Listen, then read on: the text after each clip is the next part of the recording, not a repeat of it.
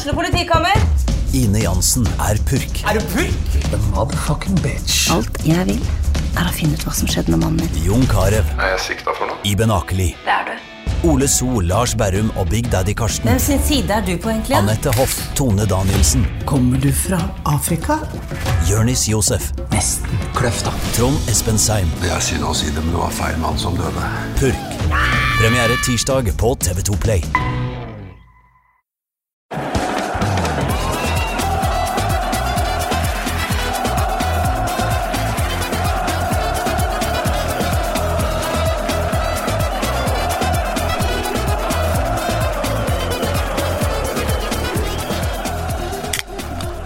Hjertelig velkommen til en ny episode av Pyro og Pivo.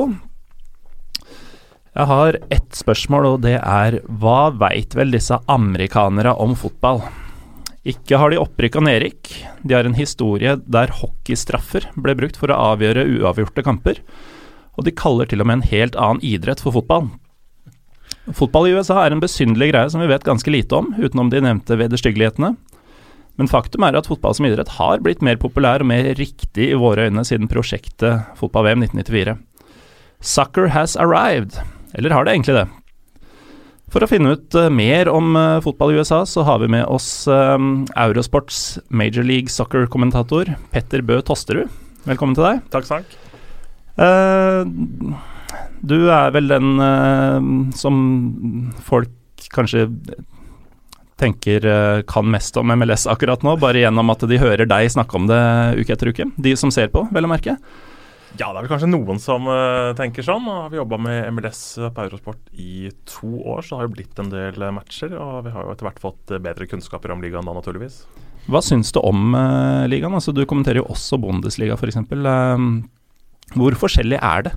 Åh, oh, det er veldig forskjellig. Uh, det har tatt litt tid da, å, liksom, å bli litt glad i MLS. For det er jo selvfølgelig en del ting man ikke liker med MLS, som vi kjenner fra det mer europeiske, tradisjonelle fotballen, da, med nedrykk og de tingene der som, som, MLS ikke har. Da, og det er jo ting som irriterer meg, for det er jo en del uh, ja, det er litt, jeg syns det er litt mye regi da, på amerikansk eller MLS uh, i det hele tatt. Uh, men selvfølgelig kampene og fotballen er jo underholdende totalt sett. Selv om vi har utfordringer spesielt da med at dømminga er uh, veldig dårlig. Det er noe jeg har irritert meg vanvittig over uh, denne sesongen her. Så det er litt sånn kokostendenser uh, fremdeles, men underholdningsverdien er stor.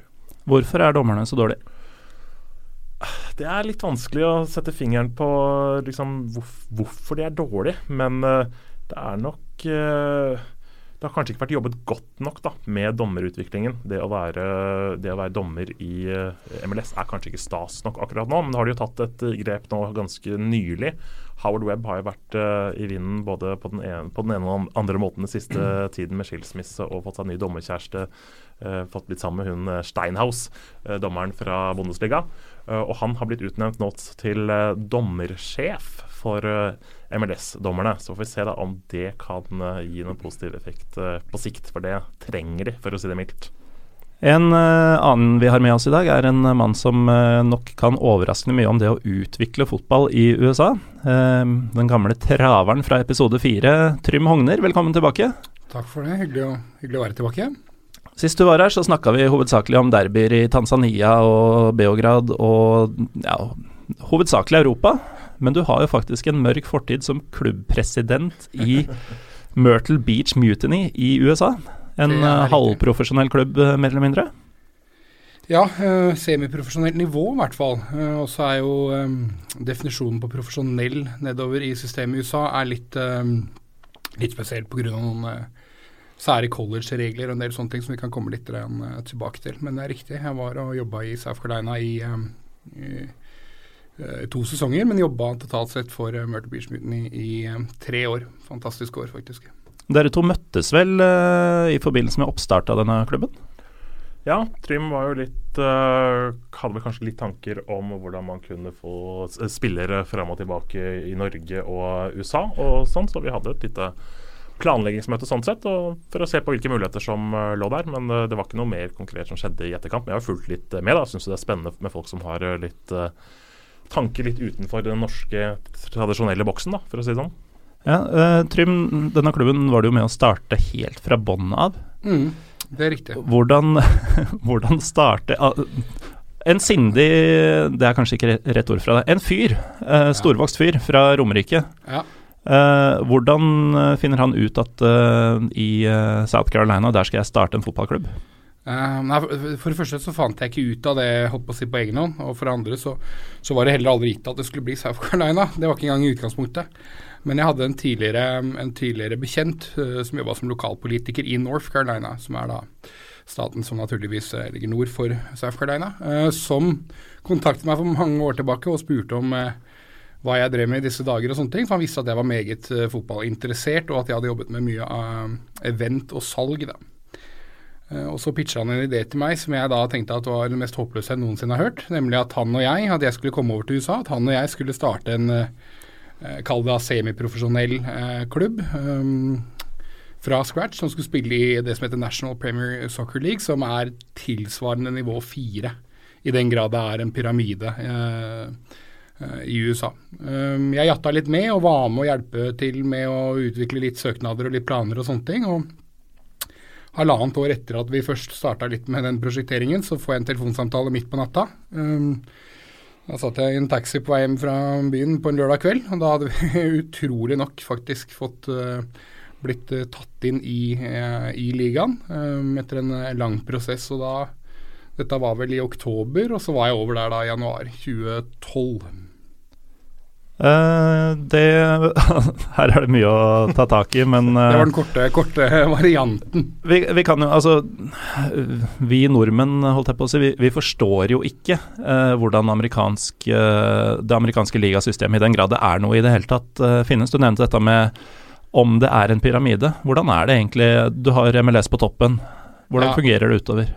Altså, du har MLS på toppen, det er på en måte helt definert. Uh, Eh, men, men, eh, men, som Peter nevnte, så er det jo ikke et eh, opp- og nedrykkssystem i det hele tatt. Men veldig kjapt oppsummert så har du MLS på toppen. Og så har du NASL under der, som er North American Soccer League. Som bl.a. har New York, New York, Cosmos, som sikkert en del lyttere kjenner til. Pelé, og Raoul i, i nyere tid.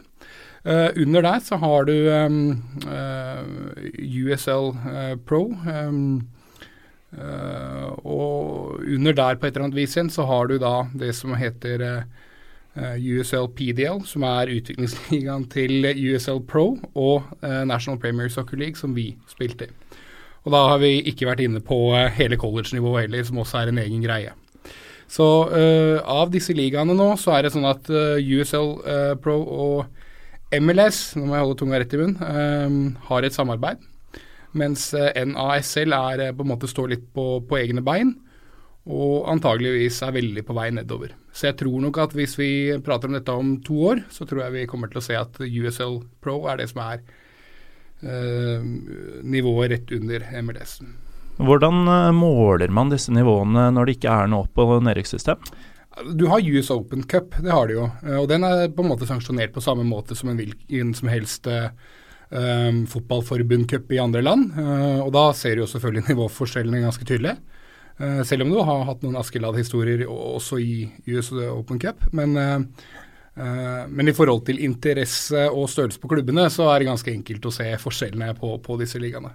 Ikke minst i forhold til tilskuertall. Jeg møtte, Nå er jo dette med opprykk av nedrykk en av hovedårsakene til at mange ikke engang vil gi MLS en sjanse. Uh, og nå er jo det noe som uh, i større eller mindre grad har vært diskutert her borte også, om det kunne være verdt å begynne med. Jeg møtte på Lars Johnsen fra Josimar uh, forleden, og han hadde veldig klar formening om at med det drafting-systemet Vi skal komme nærmere inn på det senere, men der er det jo nærmest sånn at du belønnes om du blir sist. Uh, og ifølge Lars, da, og logisk nok for enhver som er vant til europeisk ligastruktur, så må man jo straffe de dårligste og ikke belønne dem. Ja, og det er jo en av de tingene som jeg syns er helt uh, natta med, eh, med, med, MLS, for å si det mildt. da, altså uh, At du skal hvis du har fått en dårlig start på en sesong, da, så skal du bare spille de siste kampene for å havne sist for å få fordeler inn mot neste sesong.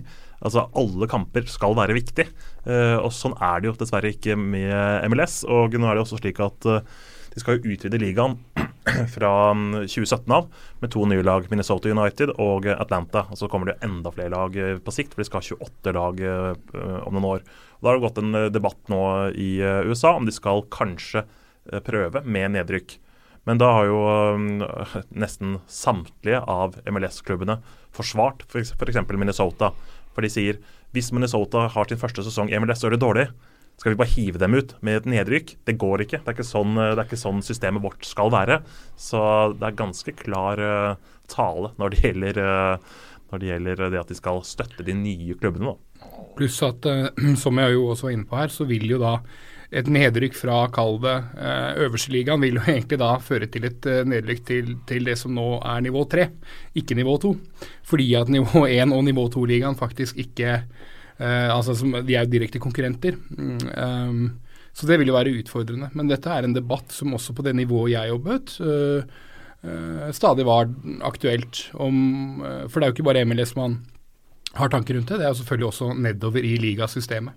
Men Trym, du er jo entusiastisk på flere av de amerikanske idrettene og har satt deg inn i strukturen lenge før MLS eh, var en greie, nærmest. Ja. Uh, sånn som amerikanere er vant til å ha idrettene sine, hvor stor sjanse er det for at vi vil få et opprykk-nedrykkssystem? Tror jeg aldri noensinne vil skje eh, på, på et MLS-nivå. Og her, er, her, handler det også om TV-rettigheter og en del ting. Disse klubbene er drevet som, som store forretninger. Uh, ikke, ikke, et sånn på en måte forbundssystem som vi har i Norge, der alle er en del av et fellesskap på samme måte. Det er også veldig uh, sanksjonert på mange måter. Så, så, så, så, det at et lag plutselig skal stå utenfor og være i en helt annen liga, det, det, det tror jeg ingen er med på.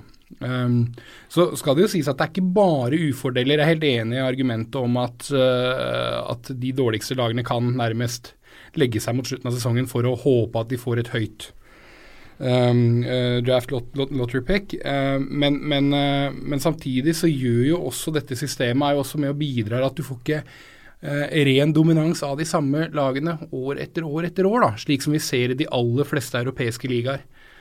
du kommer aldri noensinne, tror jeg, til å få en situasjon i USA der du har en type dominans som vi har sett i Norge, som vi har sett i Skottland, som vi har sett i Nederland.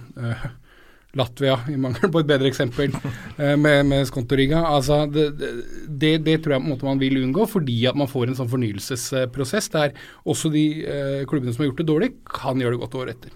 Dette er et uh, godt poeng, og det er Jeg liker også noe amerikansk idrett og har alltid syns at f.eks. i NFL så er dette den kombinasjonen av lønnstak og dette med draftpicks og sånn, som sikrer konkurranselikhet i mye større grad enn vi er vant til i Europa. Det har liksom vært det beste med det. Og så kan man se, uh, Petter, du som uh, har fulgt litt med på det sportslige de siste årene. Fjorårets MLS Cup, uh, MLS Cup er da sluttspillfinalen, for de som ikke vet det, lag. Portland Timbers og Columbus Crew. Eh, dette var da ifølge måten de rangerer på, de to beste lagene forrige sesong. Det var de to som kom til finalen. Henholdsvis nummer 12 og 18 av 20 lag i uh, grunnspillet et år senere. Um, ja, ta tabelltips i MLS det er ganske håpløst. Det var jo også sånn med New York City, som hadde sin uh, debutsesong i fjor. Det var veldig mange som tenkte at oi, de kommer til å havne høyt på grunnspilltabell. Hadde jo et veldig bra lag på papiret. Men uh, det er vanskelig å spå, det er vanskelig å forutse med denne ligaen. og Samtidig så er det også slik at de fleste spillerne i ligaen har ettårskontrakter. Du er ikke, bygd, du, er ikke, du er ikke nødvendigvis signert for tre, fire, fem år for at du skal bygge en, du skal bygge en eh, langsiktighet eller en plan med klubben. Da. Det er veldig eh, kortsiktig tankegang. Nå er jo kanskje Seattle Sounders det laget som har motbevist det, da, med Sigurd Smid, selv om han har gitt seg denne sesongen. Men det er veldig mange trenerbytter, det er veldig mange spillerutskiftninger. og da er det jo også slik at eh, det er litt vanskelig å vite hva lagene stiller til start med inn mot neste sesong. Så det er ikke, Selv om du vinner MLS Cup, så er det ikke blant, nødvendigvis blant favorittene til å komme topp seks, som er det det gjelder da, inn mot neste sesong. Sigurd Schmid som uh, omsider gir seg, og da kommer Sounders til sin første MLS Cup-finale? det, det, det, stemmer. Uh, det blir jo en uh, veldig interessant finale som kommer nå om ikke mange dagene. Seattle Sounders mot Toronto. og Ingen av lagene har vært i finale. Og det har vært en, et dramatisk uh, sluttspill på mange måter. Vi hadde to kule conference-finaler. For det er jo slik at man spiller én conference-finale i øst og én i vest. Og i øst hadde vi jo en helkanadisk finale, Toronto mot Montreal. Den tok litt av? Og Den tok virkelig av. Det var uh, 3-2 til Montreal etter den første kampen. Og så endte det med 3-2 til Toronto hjemme på BMO Field i den andre kampen. Og Dermed så ble det ekstraomganger. Og uh, det var Josie Altidore og Toronto som um, trakk det lengste, lengste, strået. Dessverre så ble jo da Giovinco skadet, så det blir spennende å se om han kan stille til denne finalen. Men Altidore og Bradley de var virkelig på, så ble det da ingen finale på Didier Drogba. Når vi er inne på Giovinco og Didier Drogba, så kan vi jo like gjerne begynne å snakke om dette med designated players. Um, så vidt jeg har forstått det, så er dette Klubbene har et lønnstak å forholde seg til. Men de har x antall spillere som de uh, mer eller mindre kan slenge penger utenom etter. Uh, har jeg forstått det riktig? Ja, det er jo hovedsak eh, Du kan jo få støtte fra selve ligaen til å hente spillere som beriker eh, MLS-systemet. Altså, altså får du inn en stjerne som eh, Beckham og Thierry Andry som de fikk inn tidligere, så er jo det bra for hele ligasystemet, mener Eh, Major League Soccer da, som, eh, total, som, totalitet. Er det det? Men, men, jeg er jo litt sånn blanda der. Noen har vært positive for MLS. Selvfølgelig det var kult å få Beckham. De fikk oppmerksomhet rundt ligaen. Men, men, så må man også passe på at man ikke gjør det hele veien. At du bare henter Ashley Cole, Steven Gerrard, Frank Lampard, Pidlo. For det er ikke veldig mange av de som faktisk har tilført noe eksepsjonelt sportslig. Nei. Men Giovinco, da som ble hentet når han var under 30, er vel nå 28. Han har jo vært kanskje den største berikelsen sportslig av eh, dem alle og hatt en fantastisk sesong. Og eh, det er jo spillere som eh, jeg håper at selve ligaen og klubbene kommer til å sikte seg litt mer inn på de neste årene og bruke penger på sånne typer. For da kan du få en litt mer attraktiv liga, du kan få et bedre, bedre nivå. Og du kan også få sånne folk som oss, da, som kan følge med på de, eh, de spillerne som fremdeles har noe å bidra med på både MLS-nivå og også på landslagsnivå. For Jivinko kom tilbake på landslaget i fjor og spilte jo mot Norge bl.a. Tøff motstand. uh, ja, men, men, men, så skal man også huske på at uh, fotball, uh, i, altså toppfotball i alle land, er, handler jo om underholdning. Og amerikanere har det korteste, det minste fokusspennet av alle i hele verden. Dersom ligaen ikke hadde hatt en del av disse store store stjernene, så hadde man heller ikke fått til den oppmerksomheten rundt det. Så det, det, det, er ingen tvil om at flere av disse spillerne som har kommet inn, har ikke tilført noe sportslig, men det har skapt en oppmerksomhet rundt ligaen som, eh, som har vært helt nødvendig. Um, ja, men Det er liksom en balansegang, da. For de, har jo, de har jo ressursene, sikkert, liksom. Så de må ha de sultne. Sånn som David Villa har jo tilført mye, da. For ja. han har jo virkelig vært god. Ja. Så, så, det er litt blanding sånn sett. Robbie Keane ja, Robert Keane har også vært en uh, solid uh, mann. og det, det, går jo veldig mye på motivasjonen da, til uh, disse stjernene. Noen skal jo være vil jo leve litt mer som superkjendis der borte i mm. USA på mange måter, mens andre har lyst til å spille fotball litt til. Da, og da kan de gjøre det på en litt annerledes måte i MLS. Det som er interessant, er jo at det skaper jo noen helt enorme lønnsforskjeller innad i klubbene.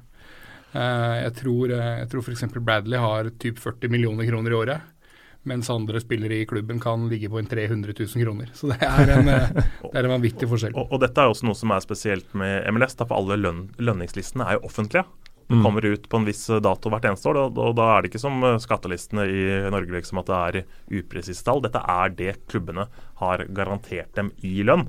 Og snittlønnen i MLS er på 210 000 eh, dollar i året, og det høres jo ganske mye ut, ca. med jeg vet ikke hva som dollarkursen er nå, da, men si rundt to millioner. da. Uh, det høres jo ganske bra ut, men de fleste amerikanere som ikke er spesielt kjente, de tjener jo 250 000 uh, kanskje, og da, og, og, da, og da, er det ganske pes å, å spille i MLS. fordi at det, det, er en fysisk krevende liga. Du er veldig mye borte.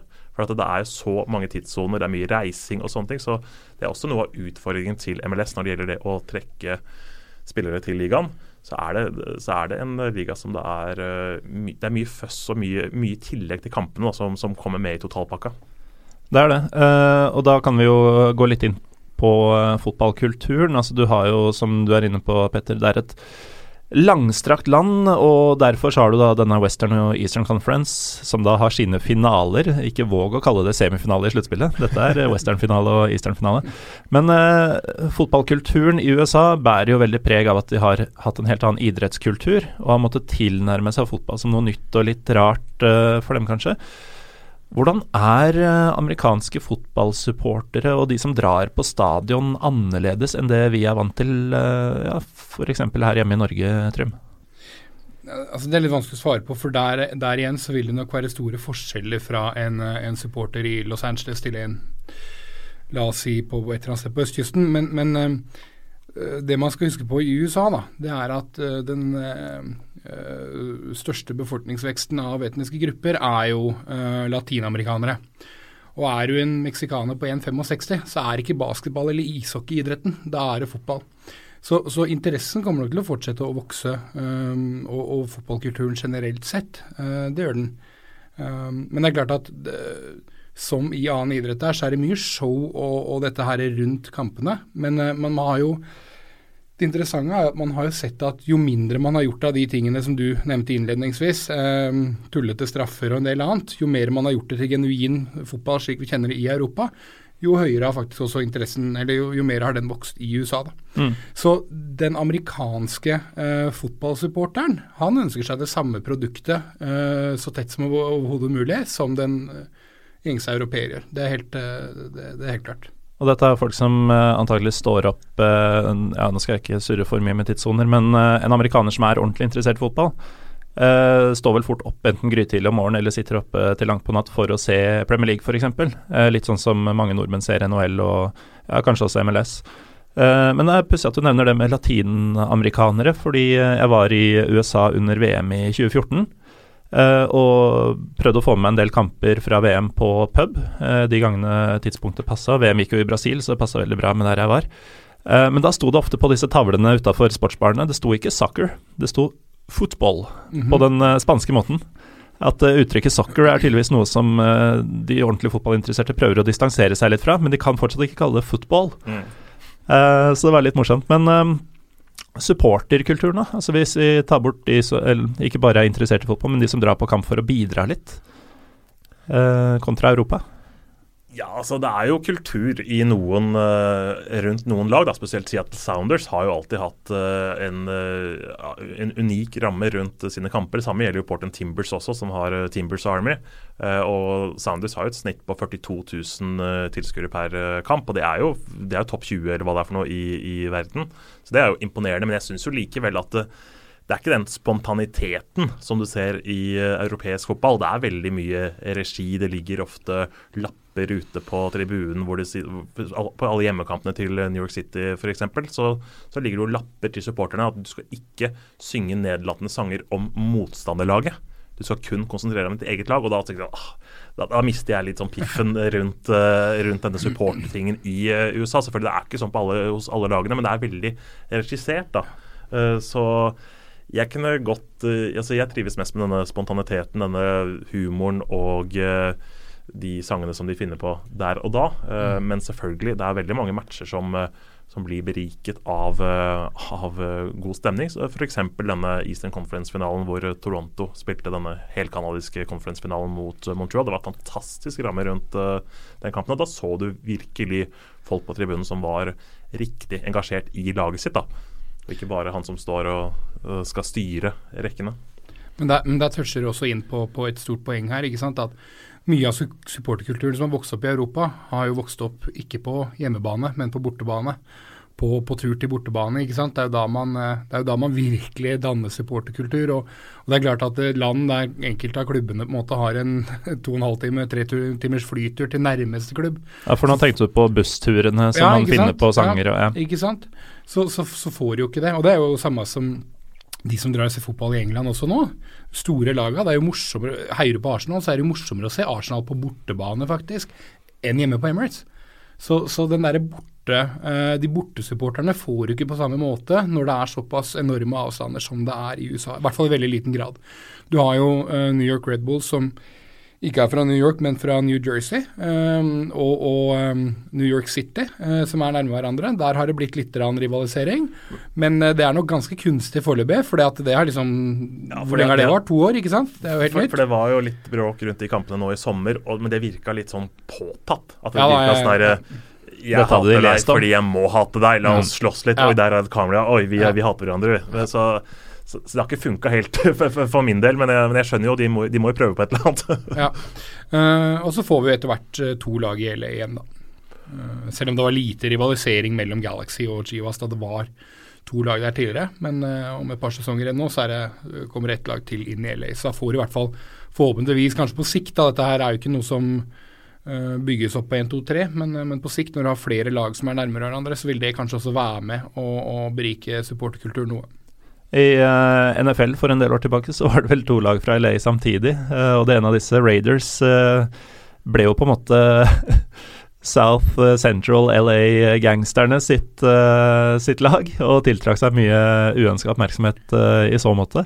Kanskje ikke like aktuelt med fotball. Det er ikke like Nei, men det var jo det man prøvde på i LA i, i MLS også, med at Chivas på en måte skulle være laget for latinamerikanerne i LA.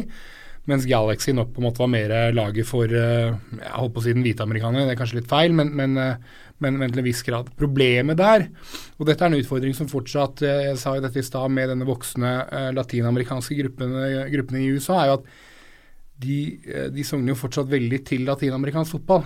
Så er du født i USA av meksikanske foreldre og er veldig fotballinteressert, så er du kanskje mer interessert i liga MX og du heier kanskje mer på Mexico enn du gjør på, et, eh, på, på USA og, og, et, eh, og, har noe forhold til MLS-klubb i det hele tatt. da. Petter, i eh, din, eh, ditt forarbeid til eh, denne episoden så har du kommet innom litt kuriositeter om nettopp liga MX. Ja, fordi at den meksikanske ligaen har jo, har jo, faktisk overtaket på MLS, enten vi liker det eller ei. Selv om jeg vet jo veldig lite om den meksikanske ligaen. Og det er jo faktisk den fjerde mest besøkte ligaen i hele verden, hvis vi ser på tilskuddssnittet.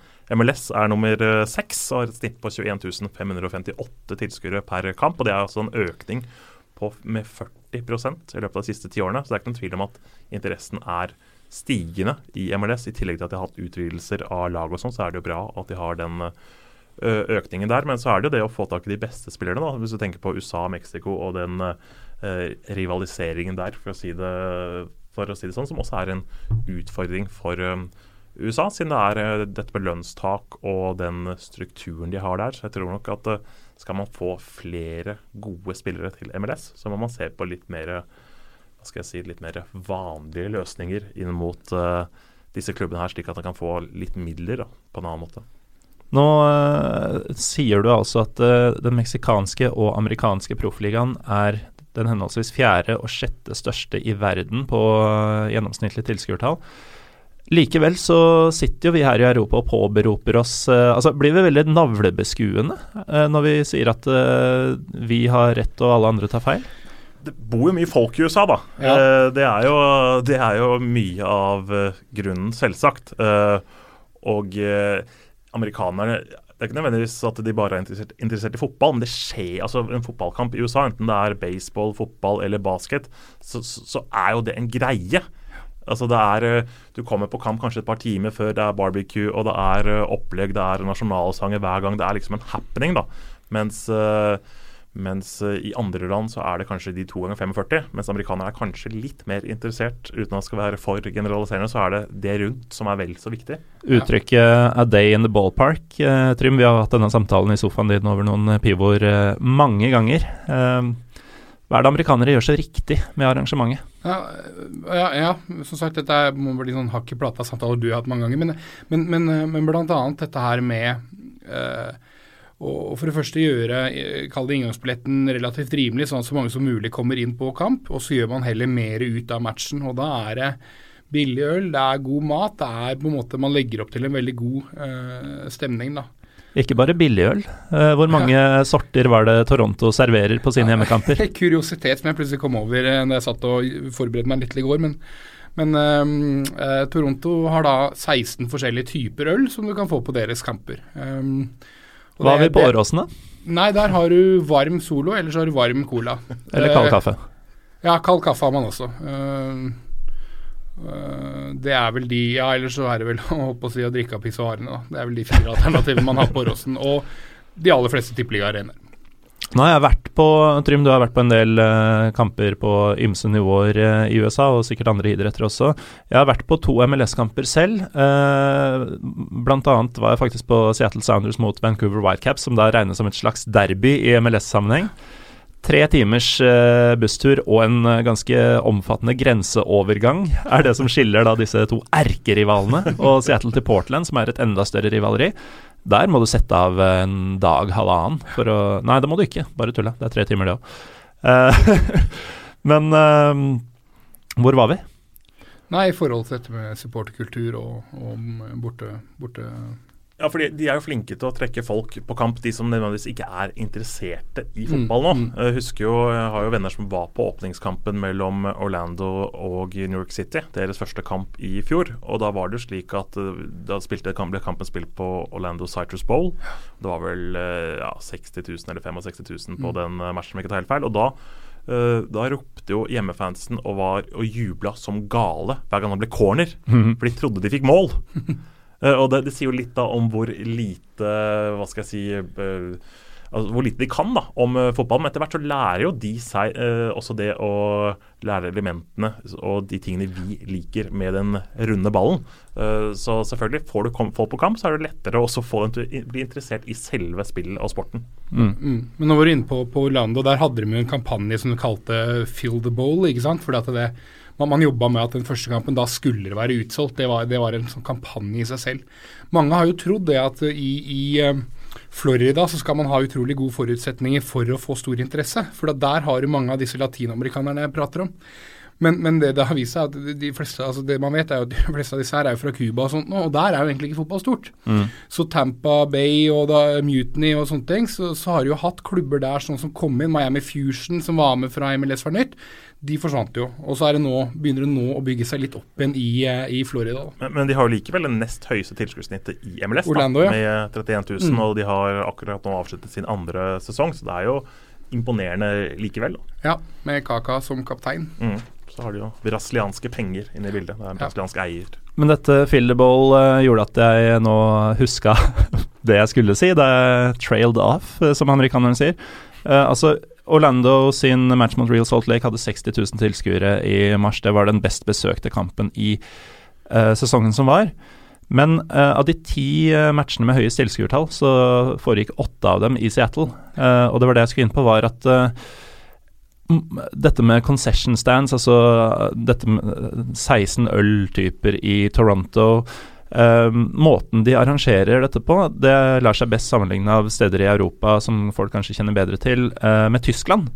Hvor stadionene i stor grad er en stor møteplass uh, som du da løser billett til, og så viser du billetten en gang til lenge etterpå når du skal inn på din tribunedel, mens du kan boltre deg i et enormt område, gjerne, med massevis av forskjellige mat, mat og drikketyper, gjerne lokale entreprenører som har eh, sine egne stands. Uh, og også store områder å faktisk sitte og stå og sosialisere og mingle på. Mm. Og nettopp dette er vel en nøkkel og noe som er spesielt i Norge, føler jeg. et neglisjert område, for å si det pent. Ja, altså i Norge så er vi faktisk enda dårligere på stadionarrangement enn vi er på fotball. Og det, det, det, sier en del. der er vi helt elendige. og det det er litt synd. Men, eh, men, i USA der så er jo dette, det, som du sier, det er liksom på tvers av idrettene, da. Rett og slett. Og det, det er nok sånn at det er med på å føre folk på kamp, men, men det er også noe med at av disse her som ikke på en måte enda er kjent med idretten, så, så vil nok på en måte veksten komme av, av, at man går på en del matcher, og etter hvert så får man mer og mer interesse. Det som er på en måte unikt i USA nå, er jo at uh, de som det, er først nå man begynner å ha unger som spiller fotball, som også hadde foreldre som spilte fotball. Det er et godt poeng. Ja, uh, Så det er først nå man på en måte begynner å ha litt grobunn for å skape kultur, både for, uh, i forhold til det å spille, men også det å, å være lidenskapelig interessert i idretten. Uh, Petter, hvis vi skal tenke mm, potensialet til MLS, nå tenker jeg på nivået på fotballen. Kunne sagt MLS og ligaen under, men det dropper vi for nå. det du har sett de siste årene, hvor er MLS på vei hen? veldig vanskelig egentlig å si hvor nivået egentlig er. Men jeg syns nivået i hvert fall er veldig mye bedre nå enn det det var for noen år siden. Det er uh, flere lag som er blitt, uh, blitt, gode, for å si det sånn. Men jeg syns fremdeles det er ganske store forskjeller innad i lagene.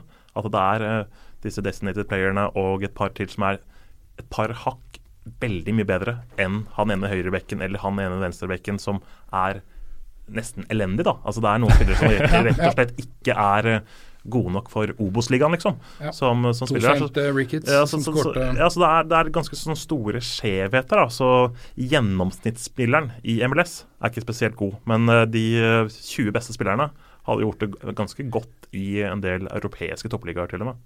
Og Giovinco regner vi som MLS beste spiller noensinne, bortimot? Ja, altså Det nivået han har vist da, i løpet av de to årene han har vært der, syns jeg har vært eh, helt vanvittig. Eh, Toronto har jo nesten ikke hatt en taktikk. De har spilt ballen til han, gjør jobben sjøl, og så kan du eventuelt få med deg Altidore Bradley eh, i, i, tillegg. så så, så, det han har gjort, uh, har vært helt vanvittig. Men, men, samtidig så ser du også spillere som har mislyktes totalt i andre liga. Altså Bradley Wright Phillips har jo dominert for New York Red Bulls de siste årene. Og han har hatt én ordentlig god sesong for Charlton i league one.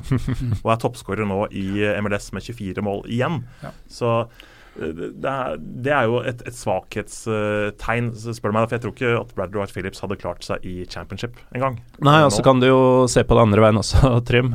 Husker du Luke Rogers? Ja da, gjør det. Um... Han var jo ganske god i New York, han. Han, han hadde i hvert fall én eh, veldig bra sesong der. Um, Hvor bra var han i Norge? Ja, han, var jo helt, han var jo helt ubrukelig. Uh, så vidt jeg skjønte, så klarte han seg bra på puben, men, men det var verre på treningsfeltet og i kamp. Og forsvant vel på en måte etter, da, etter, etter en kort karriere i Lillestrøm. Men også han skårte jo faktisk mot Rosenborg, så det, det er blind høne finner også korn iblant. Uh, så eh, MLS uh, er jo fortsatt en merkelig liga, men det virker som om det er på rett vei på mange måter. Og denne For de som ikke tok den referansen i introen, så må vi bare gå innom dette med hockeystraffene som de drev med på var vel 90-tallet, tror jeg. Trym, hva, hva, skjedde i en typisk MLS-kamp dersom det sto uavgjort ved fulltid? Ja, nei, altså Da, da ble kampene avgjort eh, ved, ved, straffespark. altså også i, Nå snakker vi ikke da cup eller uh, sluttspillskamper, vi snakker i seriematcher.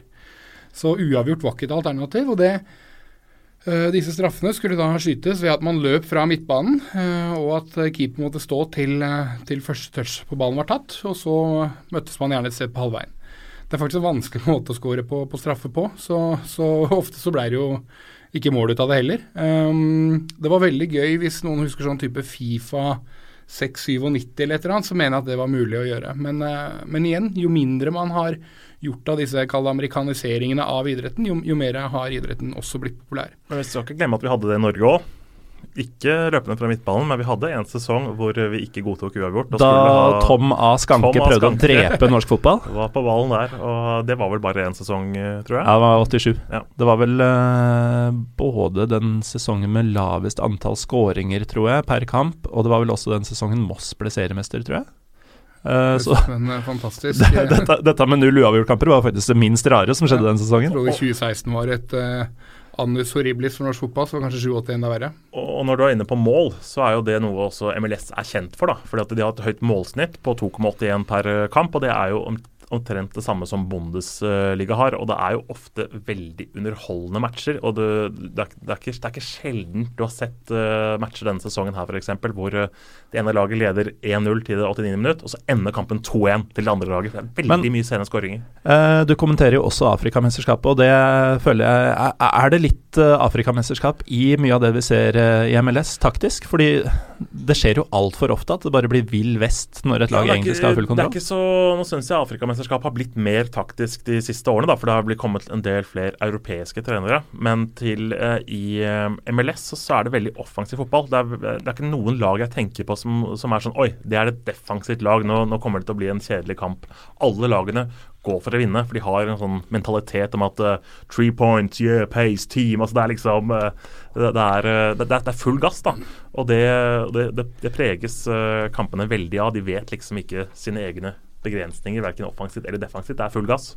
Men, men, men det er også godt forankra i, i, i, amerikansk kultur. Det er dette her med go, uh, go big or go home. ikke sant? Altså det er, er som du, du, er inne på, det er en vinner for, en, for enhver pris. En enorm mengde hovmod, i hvert fall for oss uh, nordmenn. Og, det, og der tror jeg også, på en måte, hvis vi spoler litt tilbake, så tror jeg litt, litt av grunnen til at uh, det har tatt litt tid for fotball i USA å virkelig få en takeoff, er jo nettopp det at Veldig ofte så har man på en måte eh, gått ut for høyt, da, hvis vi ser tilbake på, på 70-tallet med, med, NASL eh, den gangen, med Pelé og Kinaglia og disse spillerne her. Da var man jo helt overbevist i USA om at i løpet av et par år nå så er dette her den soleklart største idretten i landet, og vi kommer til å være best i verden. Og så skjedde jo ikke det i det hele tatt, selv om man hadde et par ganske morsomme sesonger der. Og så Spoler man fram da til uh, tidlig 90-tallet, uh, får da muligheten til å arrangere VM i 94, som jeg fortsatt tror er et av de best besøkte VM-ene noensinne. Men, men, da også var det dette her at ja, nå kommer vi til å bli størst i verden, og dette kommer til å bli den største idretten her til lands. Igjen skjedde ikke, uh, og i den perioden der så planla man jo også da lanseringen av MLS. Og da var det nok en gang Nå kommer vi med denne nye ligaen, så kommer dette til å bli den største idretten i landet, og vi skal bli, vi skal bli på en måte best. Um, Freddy Adu, en ubrukelig spiller som nå spiller eh, på nivå to i USA, han skulle bli best i verden.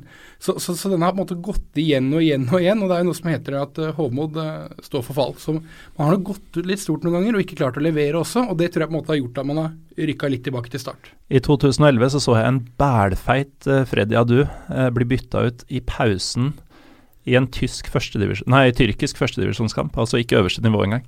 Det var triste greier. Og selv da må han jo bare ha vært 22 år eller noe sånt, ifølge, papirene. ifølge papirene. Mm. Uh, med det så må vi nesten uh, gi oss, selv om vi tilsynelatende kunne snakka veldig mye om fotball i USA. Uh, hvor vi tok det fra, veit jeg ikke. takk til deg, Petter Bø Tosterud. Du skal, du, skal, vel fort kommentere finalen, som vel er natt til førstkommende søndag? Ja, 11.12.02.00. og Da blir det altså en historisk finale Toronto mot Seattle Sounders. Henholdsvis lag nummer fem og sju i grunnspillet, naturligvis. Sykt syk nok, så er det det. Takk til deg også, Trym Hogner. Du uh, vil egentlig aldri være med, men du har ikke noe valg iblant? Nei, jeg har ikke det. Men uh, takk for meg. Hyggelig å, hyggelig å komme. nå, nå, sprudler du. Ja da. ja da. Koselig å komme på besøk i Brugata. Det er alltid hyggelig. og nå er det mørkt ute òg, fordi disse fæle toppfotballgutta holdt på så lenge før oss. Uh, jeg heter Morten Galaasen. Vi er Pyro Pivopod på Twitter og Instagram. Rate oss også gjerne i iTunes uh, hvis dere vil at vi skal bli synligere og få litt mer kred, uh, som seg høre bør. kos dere med MLS-finalen og Petters lune røst natt til søndag, og så høres vi ved neste anledning.